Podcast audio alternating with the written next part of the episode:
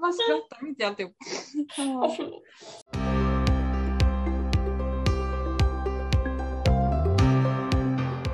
Hej och välkomna till Konsten att sabba en story. En podd om skrivandets vånda och glädje.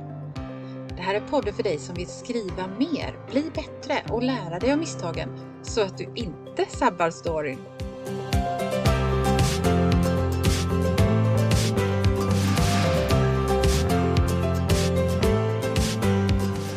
Jag heter Anna-Karin Svanå. Jag är skrivarcoach, lektör och författare.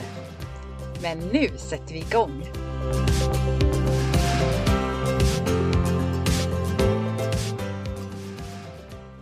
Välkomna till avsnitt 22. Idag ska vi få höra en intervju med författaren Therese Låreskär som skriver under pseudonymen Lilly M. Hon är en väldigt produktiv författare, har gett ut 17 böcker varav fem var under förra året. Några av titlarna heter En sak i taget, Utloggad och eh, Bokförlaget Gyllenduva. Den senare har hon skrivit ihop med Sara H. Olsson. Både Sara och Lilian var med i avsnitt 11 också när jag intervjuade flera olika författare på Halländsk bokmässa. Så gå gärna tillbaka och lyssna på det också. I den här intervjun berättar Lili M bland annat om hur det är att skriva under pseudonym, hur det är att skriva direkt för ljud, att skriva tillsammans med en annan. Eh, vi pratar om feelgood som genre, lite om förlagsvärlden och eh, vi får också höra om de två viktigaste faktorerna som behövs för att skriva en bok. Så här kommer intervjun. Välkommen Therese Loreskär, eller om vi nu ska kalla dig för Lilly M. Du får berätta själv sen varför du har två namn. Men jättekul att du vill vara här i podden idag. Vill du berätta lite grann vem du är? Ja, tack snälla för att jag får komma. Det här är jätte, jätteroligt. Jo, jag är författare från Haverdal utanför Halmstad och jag skriver böcker på heltid sedan ganska många år tillbaka. Vad skriver du för sorts böcker? Eh, humoristiska romaner för mm. vuxna och innan dess har jag skrivit väldigt mycket barnböcker. Också med humor, så humor är väl det jag gillar. Mm. Men hur många böcker har det blivit? Jag har försökt räkna, jag tappade bort mig. Det, det har blivit 17 böcker, både med barn och vuxna. Och eh, några av dessa är utgivna i utlandet, så jag är, finns i sju länder nu. Oh. Och när, när debuterade du? 2011 vill jag ha det ja. till. mm. Mm. Hur kom det sig att du liksom kom in på den här skrivarbanan, att du började skriva överhuvudtaget? Det är svårt att svara på. Jag har liksom alltid läst jättemycket böcker och älskat att skriva, men jag har aldrig någonsin trott att, äh, att man kan skriva som yrke. Så att jag utbildade mig till förskollärare och jobbade som samlingspedagog och fortsätter liksom med detta pedagogyrket som jag älskar. Jag älskar att jobba med barn. Men jag trodde väl inte man kunde skriva. Men till slut så, så kände jag att man måste nog testa, testa det. Och det var i samband med att min pappa blev sjuk. Eh, och då just, han har alltid sagt att man ska ha visioner, man ska ha drömmar, man ska springa efter dem. Och då kände jag att nu måste jag ju testa. Eh, så då testade jag att skriva min första roman.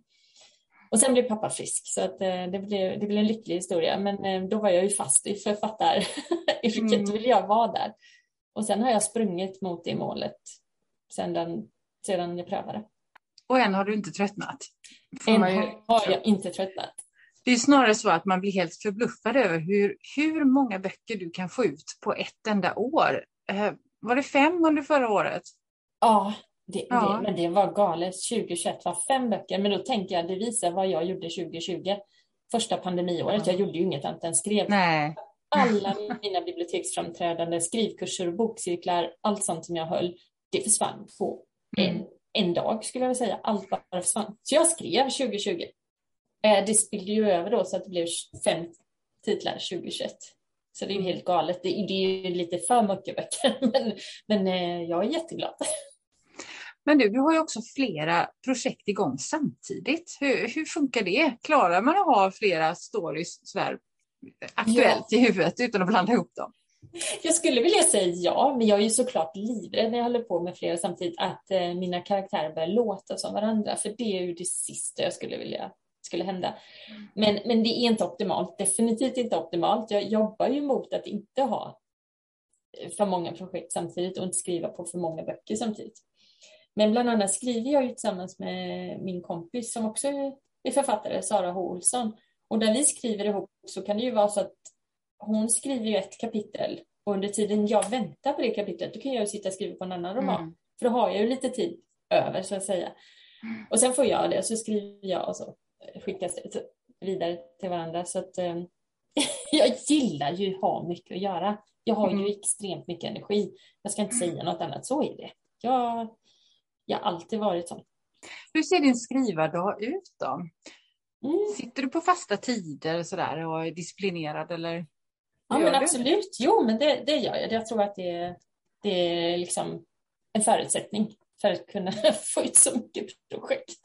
Eh, och eftersom jag är van att jobba hemifrån, för det har jag gjort ända sedan jag sa upp mig som pedagog och gick hem för att börja skriva på heltid, så är jag också van vid det. Så när barnen går till skolan, eh, när de åker med skolbuss, men när de åker skolbussen sen så brukar jag ta en morgonpromenad vid havet för att få igång hjärnan. Sen går jag hem och sätter mig och så jobbar jag tills barnen kommer hem. Då, mm. då brukar jag sluta för att då fylls ju hela huset med, eh, med folk istället och då, då är det lagom att sluta. Så jag är absolut fasta tider, så jag jobbar kontorstider mm. kan man säga. Hur är det då, det här med att du skriver ihop med, med Sara H. Olsson på vissa projekt och sen skriver du, de flesta böckerna har du gjort helt själv. Vad är det för skillnad liksom, att skriva ihop med någon och att skriva själv? Är det, föredrar du det ena eller det andra? Och... Att det, är stor, det är stor skillnad att skriva ensam och att skriva ihop. Jag, jag älskar båda, och jag, men jag har väldigt, väldigt roligt när jag skriver med Sara. Mm. Vi har samma konstiga humor, vi har samma vi är lika intensiva, vi vill skriva i samma tempo, eller vad ska man säga, så det är bra, för det är nog en förutsättning. att uh, Hon är också heltidsförfattare, det kan vara en förutsättning om man ska göra något projekt ihop så man, man kan jobba. i. uh, det är så roligt, det är så givande att skriva med någon. Jag känner att jag utvecklas enormt med att skriva med någon. Dels så lär man sig av varandra, men dels så skärper man sig på något vis också, för man skriver med någon annan. Så det, det är så otroligt givande. Det är någonting jag skulle rekommendera. Ja, spännande. Jag har ju aldrig prövat att skriva ihop med någon och själv känner jag att jag skulle nästan inte våga. Jag tror inte det passar mig. Men när man hittar en sån bra matchning. Jag tänker just det där du säger med energinivå och tempo och liksom förutsättningar, att man har samma ingång på något vis. Då tror jag det kanske blir så där bra som du säger. Jag håller på och läser en av de böckerna som ni har gjort tillsammans, förlaget Gyllenduva, och jag får säga att det, den är jätterolig och spännande. Så jag är mycket nyfiken på hur det ska gå för dem. Jag har inte hunnit läsa klart den än. Och vad härligt. Eh, vi kanske återkommer till den boken sen, men jag skulle vilja fråga just om det här med, med att skriva under pseudonym som du gör. Dina böcker står det ju Lilly M på, Lilly Emme. Vilka, mm. Hur ska det uttalas? Lilly Emme? Det jag säger Lilly M, det är två förnamn. Inte ja. ett förnamn och ett efternamn, utan Lilly är ett äh, släktnamn och M tyckte jag bara var fint. Mm. Eh, och det, det, jag tog det eftersom jag hade gett ut, i början min karriär med ut romaner, eller feelgoods, vi kan kalla dem för feelgoods. Eh, och sen så skrev jag sju barnböcker. Och sen ville jag börja skriva feelgoods igen. Och då kände jag lite så här att jag ville ha lite nytt. Mm. Då kom jag på den här idén att um, jag hade ju då fått böcker utgivna i England som Therese Låreskär och det var ju liksom väldigt svårt att hitta Therese Låreskär i England och jag hade bott där med min familj också i flera år och det var ju jätteomöjligt att uttala mitt efternamn. Så då sneglade jag på de brittiska författarna som också skriver sådär feelgood eller man kan kalla samma genre. De flesta har ju faktiskt en pseudonym i England. De heter ju inte det de heter. Så Sophie Kinsella är väl mest vanliga. Hon heter ju inte det. Hon heter ju Madeleine Wickman bland annat. Och jag skulle säga att typ alla i den genren har pseudonym, inte alla, men många. Så jag sneglade på detta och hittade då att jag ska ha två förnamn och så körde jag på det för att det skulle vara lättare utomlands. Det vet jag inte om det är, men, men här sitter jag nu med två namn och, mm. och det kan vara både fördelar och nackdelar att ha pseudonym. Jag tänker att det kan ju bli lite förvirrande kanske. Som jag vet ju inte ens ska säga Nej. Therese till dig nu när vi sitter här och intervjuar. Jag ska säga Lilly och jag lyssnar inte om någon ropar Lilly eller så, men eh, när jag var på bokmässan nu i höstas så, så var det ju ganska uppenbart. Då fick jag ju namnskylt eh, med Liljem och då, då, då är ju de som intervjuar mig på scenen, så här, de vet ju inte att jag heter Therese. Så då är det ju Lilja, då måste jag ju lyssna ordentligt. Så, mm. så ibland är det ganska krångligt. Men å andra sidan har jag alltid något att prata om om jag skulle presentera mig för någon sen. För då säger mm. jag ju Therese och så tittar han på namnskylten och så bara, mm, det står Lilly på din namnskylt. Eller, vänta lite, du sa att du skriver de här böckerna men du säger att du heter Therese. Så jag har alltid något att prata om. Men anledningen var egentligen alltså då att du ville särskilja vuxenböcker från barnböcker och att du ville få ett, ja, passa in på den engelska marknaden. Är det ja. rätt Ja, men det är, det är mm. rätt. Jag, jag tänkte så. Sen, sen efter det har jag ju gett ut eh, ni gett ut barn, mina barnböcker som Liljem också. Mm. Gamla barnböcker som blev ljudböcker och då valde vi att kalla dem för Liljems böcker istället för Therese Loreskär. Så att jag vet inte riktigt. Det var en tanke att särskilja romaner mot barnböcker, men så har det inte blivit, utan det har blivit mitt alter ego tydligen. Mm. Det är ju inte hemligt heller, för vissa som har pseudonym är ju hemliga och de vill inte att det ska komma fram. Så, så jag tror jag har krånglat till det lite, men här står jag och har två namn. Ja, så blev det så. så blev det men det så. kanske, är, det kanske är bra internationellt sett, jag tror det. Ja, jag får ägare nu, jag har satt mig i båten, så det är bra. Jag har två namn.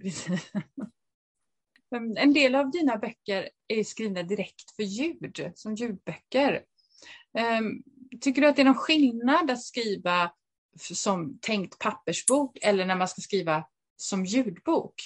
Behöver man fundera på något särskilt? Är det någon skillnad? Ja, jag har aldrig liksom lärt mig. Det är ingen, jag har inte gått någon kurs eller någonting sådär, utan det här är bara vad jag tycker. Mm. Hur jag tänker. Alltså, jag, jag försöker när jag skriver för ljud direkt, så försöker jag vara väldigt rak i min storyline, kanske man kallar det för. Mm. Så berättandet, alltså jag försöker låta det hända i kronologisk ordning. Såklart mina karaktärer kan tänka tillbaka på någonting för att man behöver ju göra det ibland för att fördjupa karaktären tänkte på när han var, eller hon var liten och bla bla bla för att få ihop det till nutiden. Men jag försöker låta saker och ting ske som det sker, därför att läsaren kan ju inte gå tillbaka riktigt och bläddra. Den kan säkert spola, men jag tror inte man gör det på samma sätt. Nej, men det och gör så, man inte. Det är nej, nej, så jag försöker ha en lite mer rakare storyline. Jag försöker ha färre karaktärer av den anledningen också. Man kan inte gå tillbaka och kolla, vem var det här nu igen som dök upp? Mm. Uh, I en pappersbok kan du ju ha det om du vill, liksom, för då kan ju läsaren gå tillbaka och kolla, ja, vem, vad var det som kom in här nu, där den, den personen hade varit med innan, okej. Okay. Så jag brukar tänka på färre karaktärer, rakare storyline och sen så mina dialoger. Där blir det lite mer av det här äh, sa eh, XX eller säger XX. Det här man säger eller frågade eller svarade för att just man ser en text, en ser en dialog, en tryckt bok, så ser du, du behöver inte ha det hela tiden. Mm. Sa Anna-Karin, svarade Therese. För vi vet att det är vi som pratar. Man vet vem det är som pratar i dialogen. Men på ljud lika väl, där liksom, missar du lite så vet du inte vem som började dialogen. Vilken karaktär var det som började? Och då, då, så jag brukar stoppa in lite så oftare. Det behöver inte vara på alla, alla citat heller, men jag brukar stoppa in lite oftare. Men det, det, är väl de där tre grejerna jag tänker på när jag skriver för ljud. Mm. Och kortare böcker brukar jag skriva också. Ja, spelar det någon roll alltså att, det, att en ljudbok vill man hellre ha kort? Nej, som sagt det här är ju bara mina egna tankar. Mm. Så jag vet inte, men jag, jag känner att det går. Nu, nu, gillar jag ju fart och fläkt, så det är väl alla mina böcker har väl det. Men ljud, ljudböckerna kanske har lite mer fart och fläkt. Det går lite mm. fortare. För att inte någon ska trötta. Mm. Ja. Vad är en kort bok för övrigt då, om du använder det begreppet? Ja, men då är det ungefär 55 000 ord, kanske en kort bok. 50 000 ord. Mm. Och om man hade haft i sidor i en vanlig tryckt bok, vad blir det då ungefär? Det är jag ganska dålig på, det vet jag nog inte. Men jag vet att mina romaner kan ligga, tryckta romaner kan ligga på 80 000 ord. 75 mm. 80 000 ord. Eh, det är ingen som hugger ett sten. Ibland är ju berättelsen klar när den är klar och ibland tar det lite längre tid att förklara för att ja, saker händer i berättelsen. Så jag har svårt att, sidor, jag räknar ord. när det gäller perspektivet, berättarperspektivet, är det annorlunda för ljudböcker? Jag tänker att om man till exempel skriver i tredje person och använder han och hon eh, och man växlar väldigt ofta, spelar det någon roll hur man gör det i ljudbok? Har du funderat på det? Nej, jag har aldrig funderat på det. Det är väldigt intressant. Jag eh, skriver ju i stort sett bara i jag-perspektiv. Även om jag inte håller i allt, utan jag, och dessutom håller jag på att ändra mig för jag är lite trött på jag-perspektivet för det är ganska svårt och krångligt och begränsande och jag vet inte varför jag började med det för det känns som det är bland det svåraste perspektiven helt plötsligt. Så jag håller på att försöka frångå det men eh, annars har jag faktiskt inte tänkt på det. Det är väldigt intressant. Den du skriver ihop, eller de böckerna du skriver ihop med Sara H. Olsson, där är det ju tredjepersonsperspektiv. Ja, absolut. Mm. Eh, som växlar mellan, eh, förlaget tydligen, du är väldigt två personer som det växlar mellan. Och då är det, bryts ju det vid varje kapitel, så det har vi gjort väldigt enkelt för oss. Mm. Kapitel, och så, så tror jag i varje kapitel, nej det står inte att det är nästa persons pers perspektiv kanske, utan det är något vi presenterar i första meningen eller andra meningen i varje nytt kapitel. Så mm. man vet att nu följer den här karaktären. Mm. Jag lyssnar, jag vet inte om den, är den skriven för ljud från början? Nej. Men eftersom jag lyssnar på böcker för det mesta när jag läser för skojs skull, då blir det ändå så att jag, jag tar ju till mig böckerna i ljudformat. Um, och då tänkte jag lite på det där att det växlar, men att jag ändå alltid hänger med på vem det är som har perspektivet. Och det beror nog på att ni använder namnet i början på den meningen mm. när det växlar. Det är ju ett smart grepp. Ja, ett skrivtekniskt tips liksom. Mm. Absolut. Det, mm. ja, vad kul att du hänger med i alla fall. Men nu när vi är inne på det här med vad som är typiskt för att göra vissa saker, att skriva för ljud till exempel. Nu skriver du genren feelgood. Vad är typiskt just för genren feelgood jämfört med andra genrer? Hur vet man att man, det man skriver är just en feelgood? Eller vad förväntar sig läsaren av en feelgood?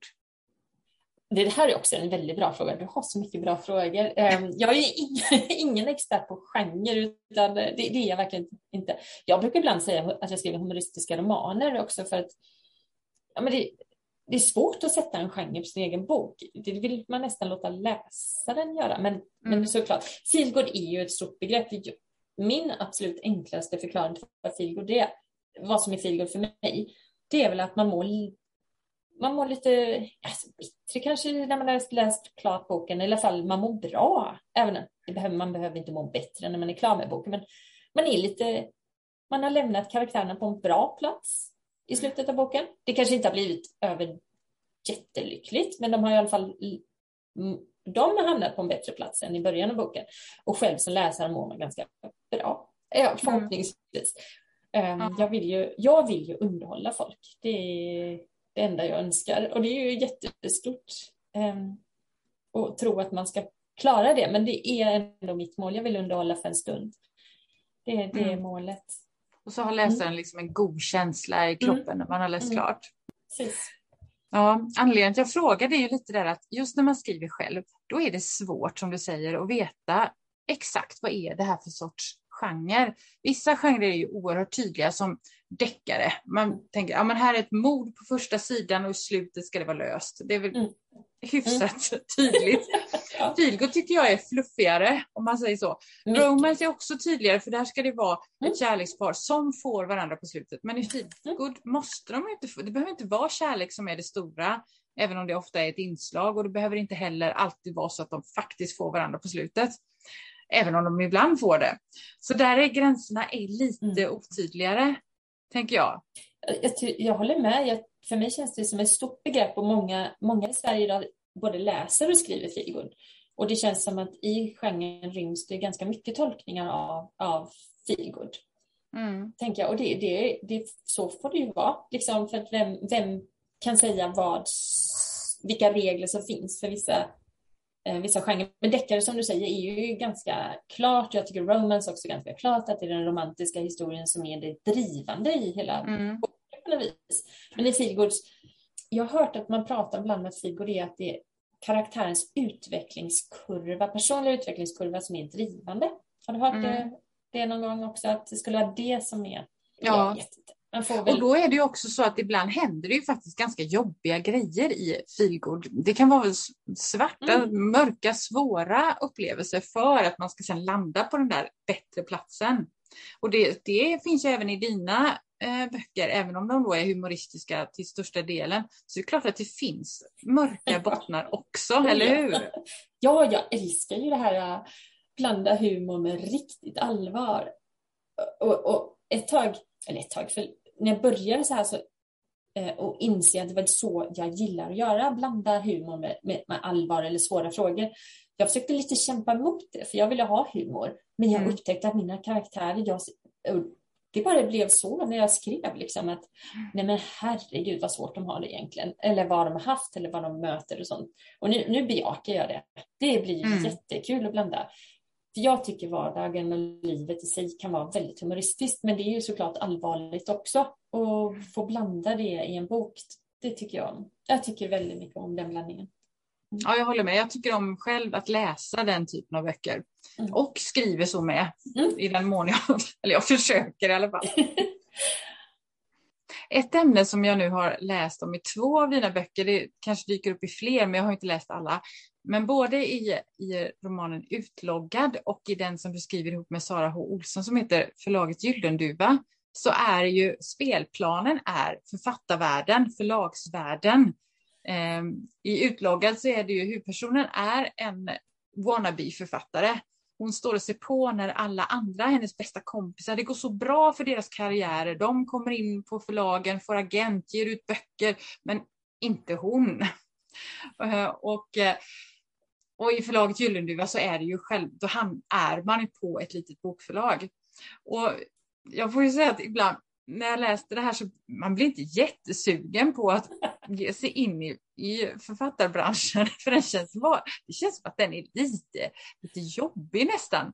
Det är mycket slit för lite belöning i vissa fall. Vissa lyckas, men det är också väldigt mycket armbågar. Man måste synas till varje pris. Och ja, är det så bra att vara, vara författare egentligen? ja, jo, men, jo och, jag, jag, och det är så roligt när du beskriver det här. Men, det, men ja, jag, älskar, jag älskar ju det här. Jag älskar att vara författare och författarvärlden är mjuk och varm och jättetrevlig.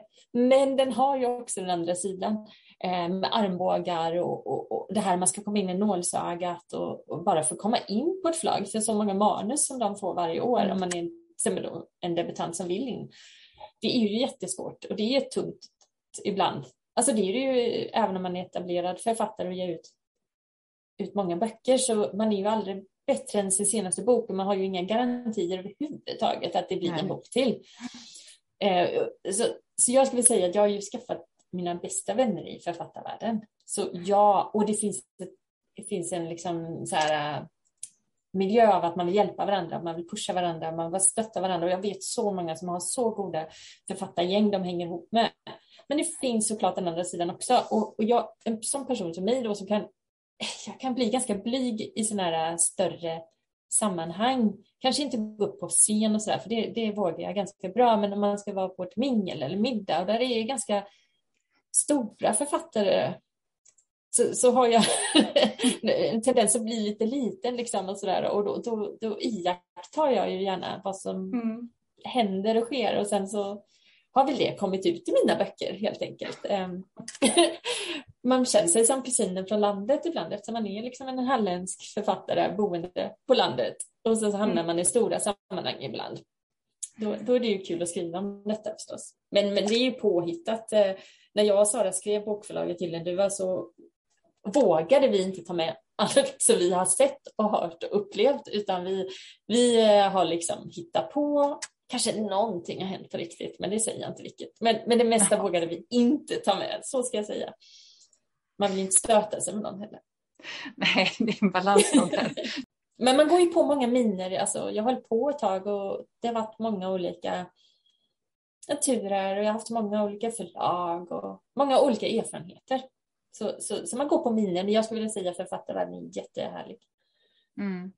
Men, men liksom i vanliga livet, vanliga arbetsliv, andra arbetsliv eller vad ska jag säga, då väljer man ju väl sina kompisar utifrån vem som, det finns väl alltid några på en arbetsplats som man kanske inte trivs så bra med. Mm. Och är man inte sådär gapig och skrikig och sådär, det är inte jag, så, så, så väljer man kanske sina vänner som är lite mer som en själv. Mm. Får jag fråga också, vad är det värsta som har hänt i, för dig i värsta minan så att säga i författarlivet? Åh, oh, vad bra. Jag måste, oh, jag kommer inte på något direkt så här, värsta minan. Förutom att skriva på dåliga avtal. Det har jag ju lyckats göra någon gång. Mm. Mm. Ja. Men där kan jag kanske inte säga så mycket mer om det, men det har jag ju lyckats med. Jag tänker så här, är det någon, någon händelse någon gång som har gjort att du har känt att nej, nej men nu ger jag upp, det här är inte värt det? Ja, men ibland, ibland, ibland känner man ju det. För att man, man kämpar och kämpar och kämpar och man pratar den ekonomiska aspekten av det så, så får man ju vara beredd. Det här är ju inte månadslön överhuvudtaget. Liksom. Dessutom ligger alla royalty och alla ersättningar ett till två år framför dig. Och man behöver ändå släppa ganska mycket böcker för att få snurr på sin backlist och få kugghjulen att snurra för att ens generera lite pengar. Så, så ibland så, så, känner man så här, nej, jag borde skaffa ett vanligt jobb. Jag får en vanlig månadslön. Och, och ibland känner jag så här, nej, jag behöver kollegor. Jag behöver träffa folk. Och jag mm. tror att det är vi alla känt här under de senaste två åren, så det är ju inte så extra konstigt. Jag är van att jobba hemifrån, jag är van att sitta ensam. Men det har ju varit väldigt ensamt senaste två åren för att typ alla platser där vi författare har kunnat mötas togs ju bort. Såklart, det var ju det enda sättet liksom. Mm. Men, men eh, så de två sakerna kan ibland få mig att bara, nej. Men, men, men så, så mindre av att jag möter folk som är lite knasigare författarvärlden, det brukar väl inte få mig att känna att nej, nu lämnar jag det, utan det är väl snarare ibland att jag saknar kollegor mm. och jag kan känna en månadslön hade varit trevligt. Men å andra sidan, man kan prioritera saker. Jag, vi prioriterar, i vår familj prioriterar vi annat, så, så går det ju också.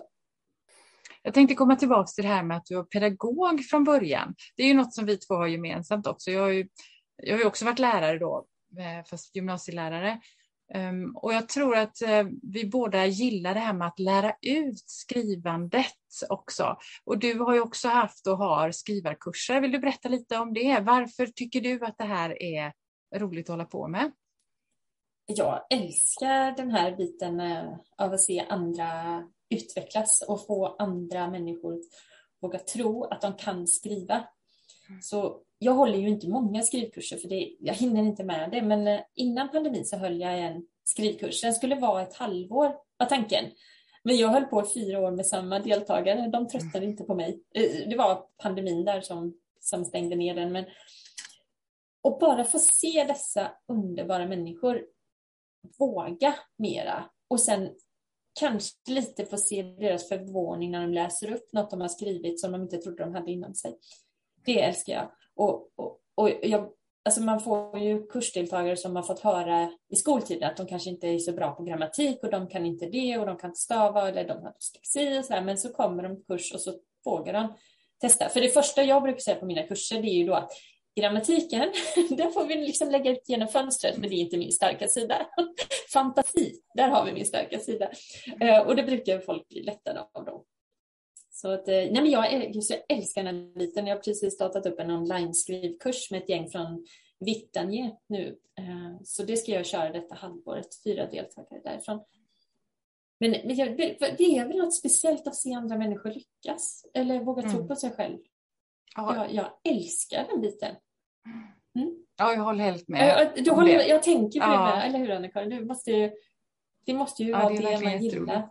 Och du jobbar ju mycket, mycket mer med detta än vad jag gör. Så att jag, jag, jag ser mig ibland mer som en inspiratör än en skrivkursledare eftersom jag då inte har teoretiska kunskapen egentligen hur man mm. skriver en bok. Alltså utifrån mm. teori, det har jag ju aldrig lärt mig. Jag har ju inte gått något sånt eller fått lära mig det då jag ser mig som en inspiratör och så delar jag med mig mina erfarenheter och vad det jag kan, mina tricks. Jag har ändå fått ihop några romaner så det mm, kan jag lära Du har ju det. Jag har ju det. ja. Det... Men du, tror du att vem som helst eller att alla kan skriva? Att alla bär en historia ja. inom sig? Och så ja. Jag tror att det är något väldigt mänskligt att vi har historier som vi vill eh, få ut. Ja, mm. definitivt, det tror jag. Det, det är som en övning det är som vad som helst du vill bli bra på. Du måste ju bara öva. Mm. Och, och, alla kommer inte bli fotbollsproffs, men, men de flesta av oss kanske skulle hjälpligt kunna lära oss att springa på en plan och skjuta lite med bollen. Ja, och ha väldigt kul när man gör det, för det är ju utvecklande för ens egen person, även om man då inte blir den där proffset. Så att säga. Huvudpersonen i eh, boken Utloggad, hon säger vid något tillfälle att man, det behövs två saker för att skriva en bok. Kommer du ihåg vad det var? Ja, för jag tror att det är de två grejerna jag brukar ha när jag är ute i skolor och pratar, pratar med barn om skrivlust och läslust. Vi får se. Mm. Jag har två Ja. grejer jag brukar säga. Jag brukar säga att det krävs fantasi om man ska skriva. Det är kanske inte är faktabok, då är det väl bra om du inte har fantasi utan kunskap istället. Men byt fantasi eller kunskap. Och sen måste man våga tro på sig själv. Ja, Är det så jag har skrivit det utloggad också? det, ja precis. Det är så. Fantasi och att våga tro på sig själv. Och jag har en känsla av att den där sista delen, den, Mhm. det är nästan det som är det svåraste Mm. att liksom komma över för egen del. Ehm, men, men när det gäller dig själv, tror du på dig själv hela tiden när du skriver genom din, dina skrivprocesser? Eh, nej, inte alls. Alltså jag... ja, Man tänker så här, efter 17 böcker så borde jag någonstans bara förstå att det finns läsare som gillar mina böcker. Men nej, när jag släpper en bok, jag är livrädd. Jag läser inte recensioner, ska du veta. Jag, Mm. jag vågar inte läsa recensioner längre. Nej, nej, glöm det. Det är alldeles för läskigt. Och, och, och, nej, nej, så att det, det går i perioder. Ibland, ibland när man skriver så kan jag till och med sitta och skratta åt någon scen jag får till eller känner att oh, det här berörde mig. Nu fick jag till någon så bra djup bakgrundshistoria till en karaktär. Men sen så tvivlar jag. Åh, för jag tvivlar. Men jag accepterar, det så det är. Det är en berg och dalbana som jag aldrig varit med om innan och jag har inte berg och dalbanor annars i mitt liv. Så Mm. det är väldigt speciellt kopplat till yrket jag har valt. Ibland tänker jag att jag är inte klok som har valt det här yrket som har så mycket berg och dalbanor. Men, men jag älskar att skriva, jag vet inte vad jag skulle göra annars. Jag måste, mm, låt knäppt, men jag måste skriva. Jag, Mm. jag, jag behöver det här. Men nej, jag tror inte på mig själv hela tiden. Definitivt. Det- Det här med berg och dalbanan, alltså jag har hört det Mm. från så många författare och jag har läst om det i författarhandböcker. Det verkar vara det vanligaste att man eh, periodvis är helt övertygad om att det här, wow, vad bra. Och sen så sjunker man ner i något att men det är det värsta som någonsin har skrivits, jag ska kasta allt. Och Ja. Ja. Men, eh, så det är inte konstigt att inte tro på sig själv, men grejen är att man får inte fastna där. Nej. Och som du sa, att man får acceptera att det är så det är. Och sen Mm. när man har varit med om de här kurvorna några gånger så vet man Mm. också att det kan vända. Ja, absolut. Och sen kommer fantasin och backar upp och får den Ja. och, fortsätter för man får en ny idé och då måste den ut. Exakt. Men så är det. Det var väldigt bra. Man accepterar att det är så.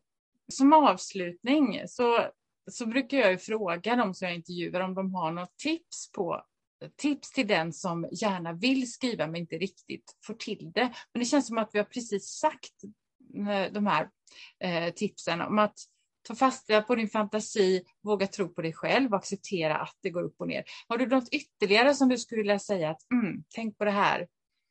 Ja, alltså, om man inte har gått en skrivkurs, en online eller i verkligheten, så tycker jag det är bra tips. Eller för att man, inte bara att man utvecklar sitt skrivande, men också för att hitta sitt gäng. Hitta Mm. andra att stötta. Och där har ju du någonting åt det hållet. Ett forum, visst är det så? Ja, jag Kan man kalla alla det forum? saker. Ja. En skrivklubb Ja, är klubb! Det var, ja, mm. Eh, Det är ju en medlemstjänst. Det är som en skrivkurs, men man är med så länge Mm. man vill och en månad Mm. i taget. Mm. Och så träffas vi där och så gör vi övningar Mm. ihop och vi diskuterar och eh, ja, lite allt möjligt, stöttar varandra. Det är det jag menar, ett sånt forum. Hitta Mm. det om man nu sitter själv. Eh, för jag, man behöver andra. Man, Mm. Det är ett ensamt yrke, men man behöver andra. Så det, det vill jag verkligen att ge med. Skrivkurs eller ett forum. Hitta andra som också älskar att skriva.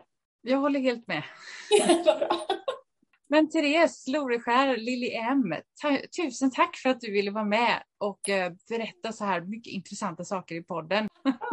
Åh, tusen tack för att jag fick med, vara med. Det var jätteroligt.